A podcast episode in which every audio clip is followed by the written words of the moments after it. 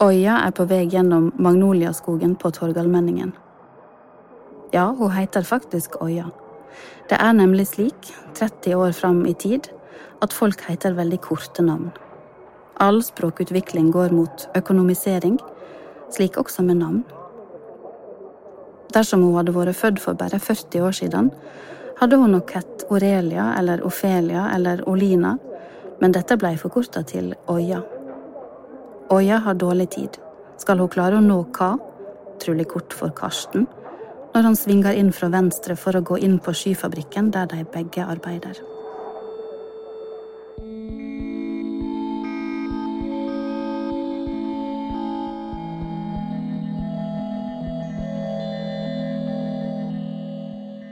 Bakgrunnsmusikken idet vi rører oss gjennom den tette magnoliaskogen på Torgallmenningen rett bak Øya som småspring nedover mot Vågen, er nett slik vi ville ha tenkt at all bakgrunnsmusikk ville være i en slik magnoliaskog til framtidige blømingstid.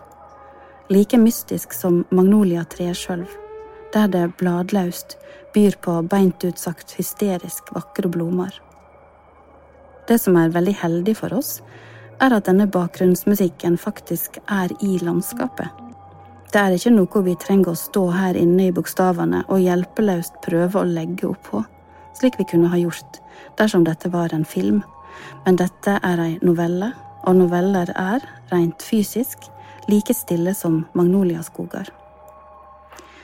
Men her, når en rører seg inn i skogen som før i tida var en betongkledd, åpen plass, men som nå er et mjukt grasteppe med gamle magnoliatre som står så tett at de lager en rosa skog, siv musikken ut av små høgtalere plassert på lure steder så en ikke kan se dem, slik at det verker som om det er magnoliaene sjølve som nynner. Omtrent slik det før var å komme inn i parkeringshuset med utgang mot Torgallmenningen, der en av og til kunne bli rørt til tårer av den litt sfæriske englesongen som strømte ut av betongveggene idet en gikk mot den støvete bilen sin. Det er forferdelig, bruker Ka å si når de går gjennom skogen. Hvorfor skal det på død og liv være heismusikk i skogen? Skog lager sine egne lyder. Ka er skeptisk til det kunstige ved skogen. Han liker skogen, men han liker ikke heismusikken. At Ka ikke liker det kunstige ved musikken i skogen, er et paradoks, synes Øya. For hvem er Ka? Er han en menneskelig robot? En slik de så for seg i 1982 at skulle finnes i 2019, og som danna utgangspunktet for science fiction-filmen Blade Runner? Nei, men hva er sønnen av det berømte forskerparet som var de første som lykkes i å komprimere skyer til tabletter som kunne selges? Hva er sjøl skyingeniør og han har studert litteratur i smug sammen med Øya når han har hatt fri. Men han er skifabrikkens fremste skyingeniør. Han utvikler stadig bedre og mer presise skyer, som regner akkurat så mye de skal regne, holder seg over de skogene de skal vatne, og som så oppløser seg. Men jeg vil forbi skyer, Øya, sier hva ofte. Så ofte at Øya kan bli litt bekymra for han. For hva mener han egentlig med dette? Da Øya på pensum var kommet fram til den engelske poeten Keats sitt dikt fra 1819, This Living Hand, der Keats får det til å virke som ei varm, levende hand strekker seg gjennom papiret og ut mot den som les, sa Ka at det var nettopp dette han ville. Han ville skape ei slik hand som trengde seg gjennom århundra og gjennom de fysiske lovene, og dette måtte Øya le av du får tross alt skyer til å bli tabletter, sa Øya. Men det er ikke det samme, sa Ka. Jeg vil forbi skyer. Men du må hukse, sa Øya. Mike TV og Augustus Gloop i Charlie og sjokoladefabrikken. Hva var det med deg? spurte Ka. Mike drømte om å bli frakta med fjernsynsbølger og blei krympa inn i en TV Augustus var så grådig på sjokolade at han falt i sjokoladeelva og blei til en sjokolade, sa Øya. Ka lo. Jeg skal ikke bli ei sky, sa Ka. Men en gang hun kom opp i skyrommet øverst oppe i fabrikken, så hun han stå og se på ei sky som var forma som ei hand. Ikke si det til noen, sa han da han oppdaga henne.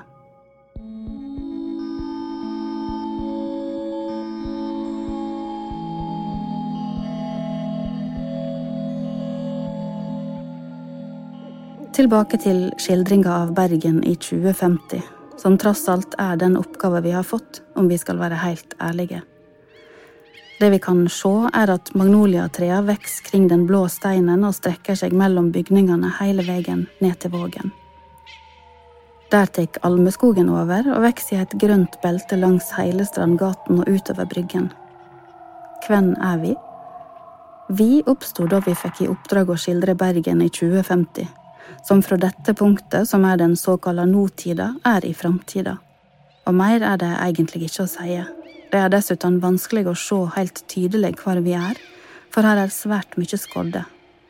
Det eneste vi ser, er faktisk PC-en vi skriver på, og en kaffekopp og en mikrobølgeovn som vi bruker å varme opp kaffen i når vi har glemt å drikke den. Vi minner oss sjølve om en naturfilm vi så en gang, der de hadde laga spiondyr roboter med kamera, som en spionkolibri til dømes, som de førte inn i noen djupe skoger der det hang millioner av sommerfugler i søvn fra greinene. Eller vi minner oss om spionbjørnen vi så på samme program, en robot kledd i litt stivt bjørneungekostyme og plassert ute i ei lakseelv full av hoppende lakser og en flokk bjørner som kom for å fange dem.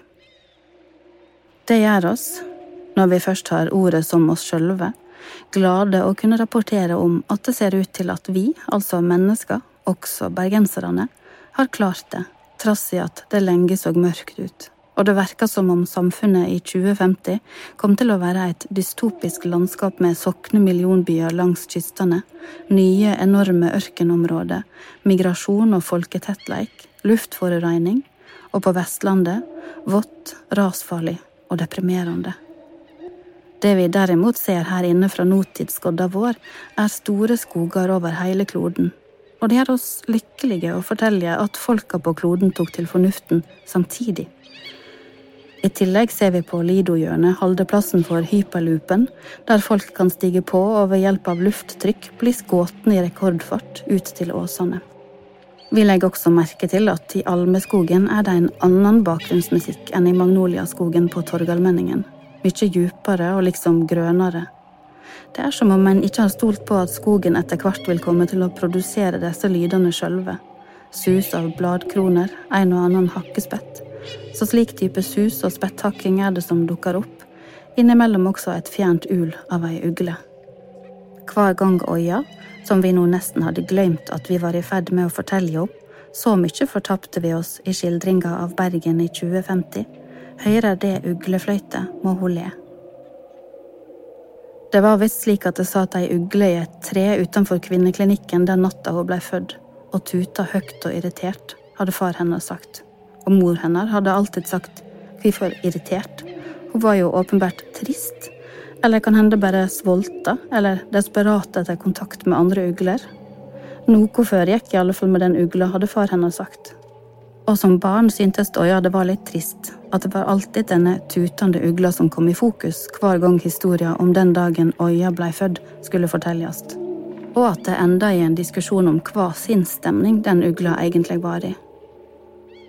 Men de eldre hun blei, tenkte hun at dette var den beste starten på livet hun kunne ha fått. At mor hennes brølte samtidig som ei ugle tuta at livsbrølet blei brølt samtidig som ei ugle sa fra om at hun enten var irritert, svolta eller desperat etter kontakt med andre ugler. Oja syntes i ungdommen at det var fint og verdig for henne sjøl som menneske at det satt et klokt dyr og tuta utenfor vinduet. Hun tolka dette som et tegn fra naturen på at hun sjøl kom til å bli klok, at det kloke ville ta seg av henne at det kloke satt utenfor vinduet og tuta og tuta, for her kom et menneske som det skulle passe på, og lære opp i faget klokskap.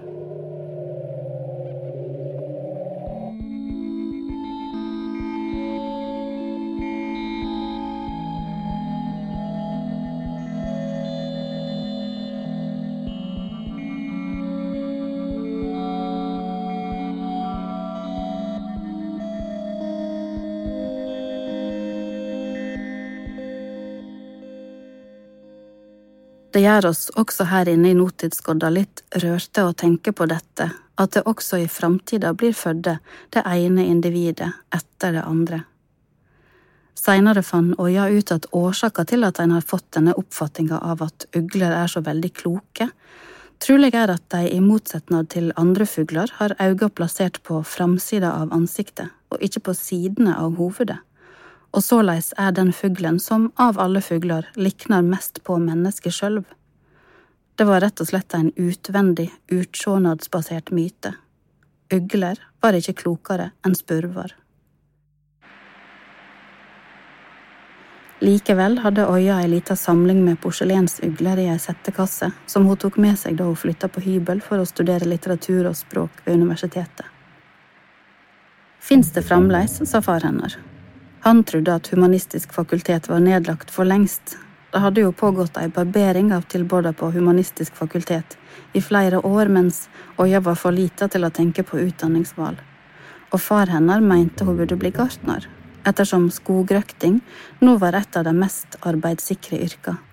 Hun kunne flytte hvor hun ville i verden, med den enorme skogplantinga som ble starta over hele kloden i 2022, fem år før øya glei stille ut i verden til lyden av ei brølende mor og ei tutende ugle.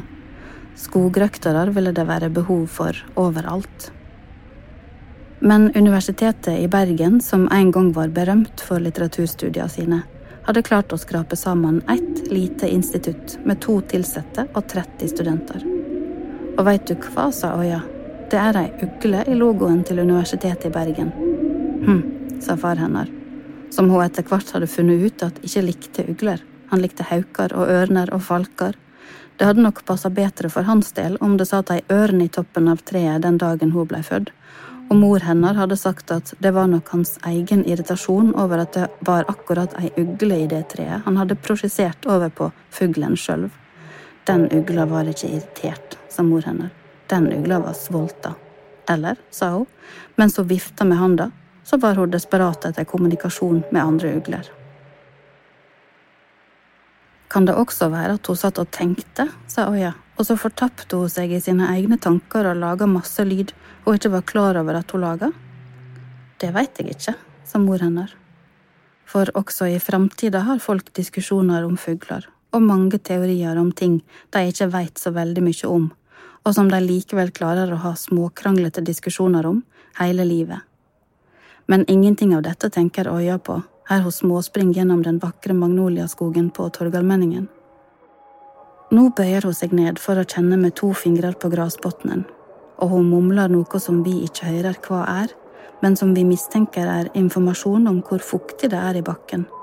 Og så hører vi et lite pling, som vi bare tipper at er mobilen som er i lomma hennes, og som vi bare kan gå ut ifra at nå altså sender Øya si registrering av fuktighetsnivået til en sentral som vel da vil behandle opplysningene. Det må være en slags framtidsvits, men plinget fra mobilen til Øya likner på plinget fra mikrobølgeovner når de har gjort varminga si ferdig. Øya er altså på vei til skyfabrikken som bøyer seg over vågen i et glasskledd, båga fabrikkbygg, med flere ulike skogsplatå som vokser på utsida som tallerkener. Oppgaven hennes er å sitte ved samlebandet og se til at komprimeringa av skytabletter har gått greit for seg. Nå nærmer hun seg fabrikken, og over hele første etasjen renner slagordet Regn, Vestlandets spisskompetanse. Og ulike skyer danner seg og løser seg opp mens det står Vi har hovedet i skyene. Det er for opplagt, bruker Øya å si til Ka. Vi har hovedet i skyene. Det var visst jeg som sa det, sa Ka, da jeg var fem år, og sjefene elska det. Å, sa Øya.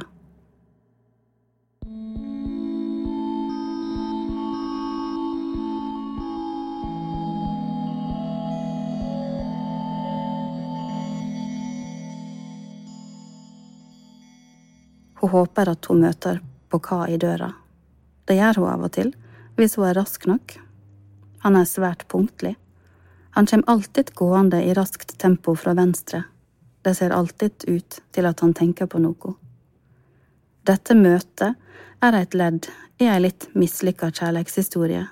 For det er slik, mine damer og herrer, at også i framtida finnes det folk som er forelska i folk som ikke ser en sjøl på den måten en skulle ønske at de så en. Øya bruker naturligvis å se opp på Ka og håpe at han ser ansiktet hennes. Slik virkelig ser det. Slik virkelig forbløffende oppdager. Dette er Øya. Det er derfor Øya har farga håret grønt. Det har vi glemt å nevne. Hun har grønt hår og sølvsko, og dette kunne en kanskje ta som tegn på at hun er et ekte framtidsmenneske, men så er det altså bare noe hun gjorde for å få oppmerksomhet.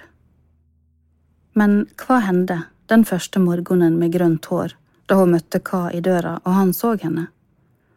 Han så ikke lenger i ansiktet hennes, men liksom på toppen av hovedet hennes. Hm, sa han. Grønt. Og så sa han rett og slett ikke mer.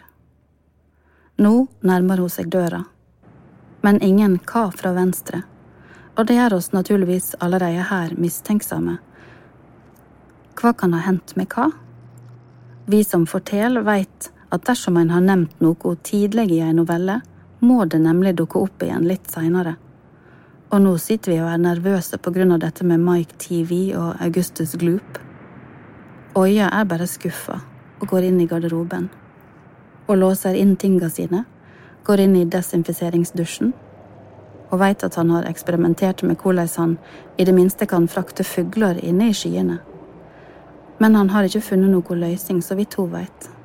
Han har heller ikke funnet ut hvordan han kan lage ei sky lita nok slik at han kan kontrollere henne sjøl over et lite område, og se hvordan det ville ha gått med endene som blei komprimert inn i tabletten, og så forhåpentligvis maksimert igjen når tabletten blei skutt ut i lufta med den utløsende vassstrålen dette konseptet som har sett Bergen på verdenskartet og redda 100 000 av nyplanta skogsområder verden over. Det ville også være prinsipielt dumt, har Ka sagt, om han mista kontrollen over skya med Anda, så hun fløy til et annet kontinent. Det kunne gi storpolitiske konsekvenser. Noen ville forstå at en kunne sende andre ting i skyene også. Som hva da, sa Øya. Som våpen, sa Ka så det er best å late disse greiene her gå usnakka om, sa Ka. Og for første gang følte hun at han virkelig så øynene hennes. Øya nikka. Nå går hun ut av dusjen, henter frakken, hårnettet og hanskene, og deretter går hun ut i produksjonssalen. Det er svært vakkert der inne. I alle fall dersom en liker store haller med vindauge ut mot fjorden og lange lyseblå samleband med uendelige brett med små, hvite tabletter. De andre er på plass og sitter på krakkene sine ved samlebandet. Tablettene i tablettbretta renner forbi på samlebandet. At dette faktisk er skyer, er egentlig umulig å forstå. Men det går heller ikke an å forstå trådløs kommunikasjon, tenker Roya, egentlig, eller hjerneimpulser, helt til bunnens. Nå må hun passe seg. Nå er tankene i ferd med å begynne å drive av gårde, og det er farlig når en sitter ved et samlebånd og må passe på at ingen av skytablettene er deformerte eller ligger skeivt på tablettbrettet, eller at et tablettbrett mangler en tablett. Og nå var hun heldig, for idet hun hadde tenkt at hun måtte skjerpe seg, så hun en tablett som hun aldri hadde sett før. Det stakk noe opp fra tabletten. Her bygger det seg umerkelig opp av en forferdelig spennende lyd fra sjølve novellestoffet. Hva er det hun ser stikke opp fra tabletten? Hun reiser seg halvveis opp og får tak i tablettbrettet. Det ser så merkelig ut. Det ser ut som det øya ikke vil at det skal se ut som, men som vi jo alle forstår, ser det ut som ei bitte lita menneskehand stikkende så vidt opp fra tablettoverflata. Som om det ligger et lite menneske som har snudd inne, men prøvd å holde handa oppe så lenge de kunne. Øya ser panisk kring seg, holder tabletten forsiktig med plasthanskene springer ut i gangen, inn i heisen, kommer inn i den kreative avdelinga, der det er høyt under glasstaket. Oppe under glasstaket svever ei lita sky. Hva er hva? spør Øya ut i rommet, og de fem andre ingeniørene i hvite frakker snur hovedet sakte mot henne, som var de langt inne i en drøm ingen andre kunne forstå. De dreg på skuldrene. Oya smetter tabletten forsiktig ned i lomma på frakken sin. Og her må vi dessverre melde at novella går over i en slags actionfilm som vi ikke har verken tid eller ork til å fortelle. I korte trekk dukker foreldra til Ka opp i fortellinga, for sjølsagt må Øya oppsøke foreldra til Ka og holde fram tabletten. Og de, med forskerfrakker, må undersøke tabletten i mikroskop, eller hva de nå enn nytter i framtida for forstørring. De legger han trolig bare midt på ei flate på bordet og får opp et hologram i rommet som viser hva som er inni tabletten. Og der ser de dette. Kroppen til hva? livløs eller i søvn liksom i vektløs tilstand. Og de må både gråte og le. Gråte fordi de som foreldre blir redde fordi hva, deres eneste sønn, nå kanskje er død. Le fordi de som forskere ser at han har klart noe de trodde var umulig. Og de vet nøyaktig hva de vil kunne gjøre med denne teknologien. Dollartegna viser ikke i øynene deres, men hadde vi vært i en Donald-tegneserie, hadde de nok gjort det. Store og gullglinsende og Øya liker ikke denne latteren, så mens foreldra går til et annet rom for å diskutere det de har sett, tek Oya tabletten med ei rask rørsle, putter han i ei lita eske i lomma og springer alt hun makter, ut og vekk fra huset.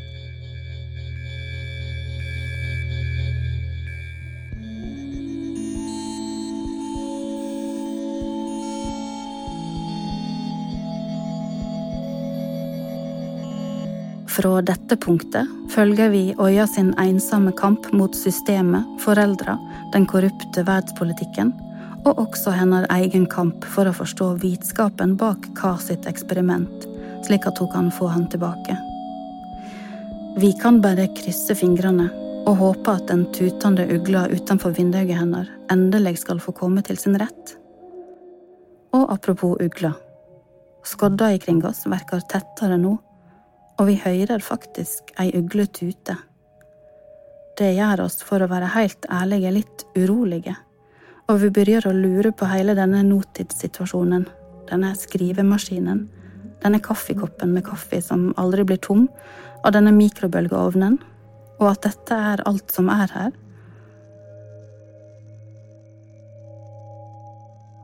Og at det som finnes ikring oss, er gråhvitt og tablettstoffaktig. Idet vi ser ei varm og levende menneskehand strekke seg inn gjennom skodda til oss, er det som om vi veit svaret.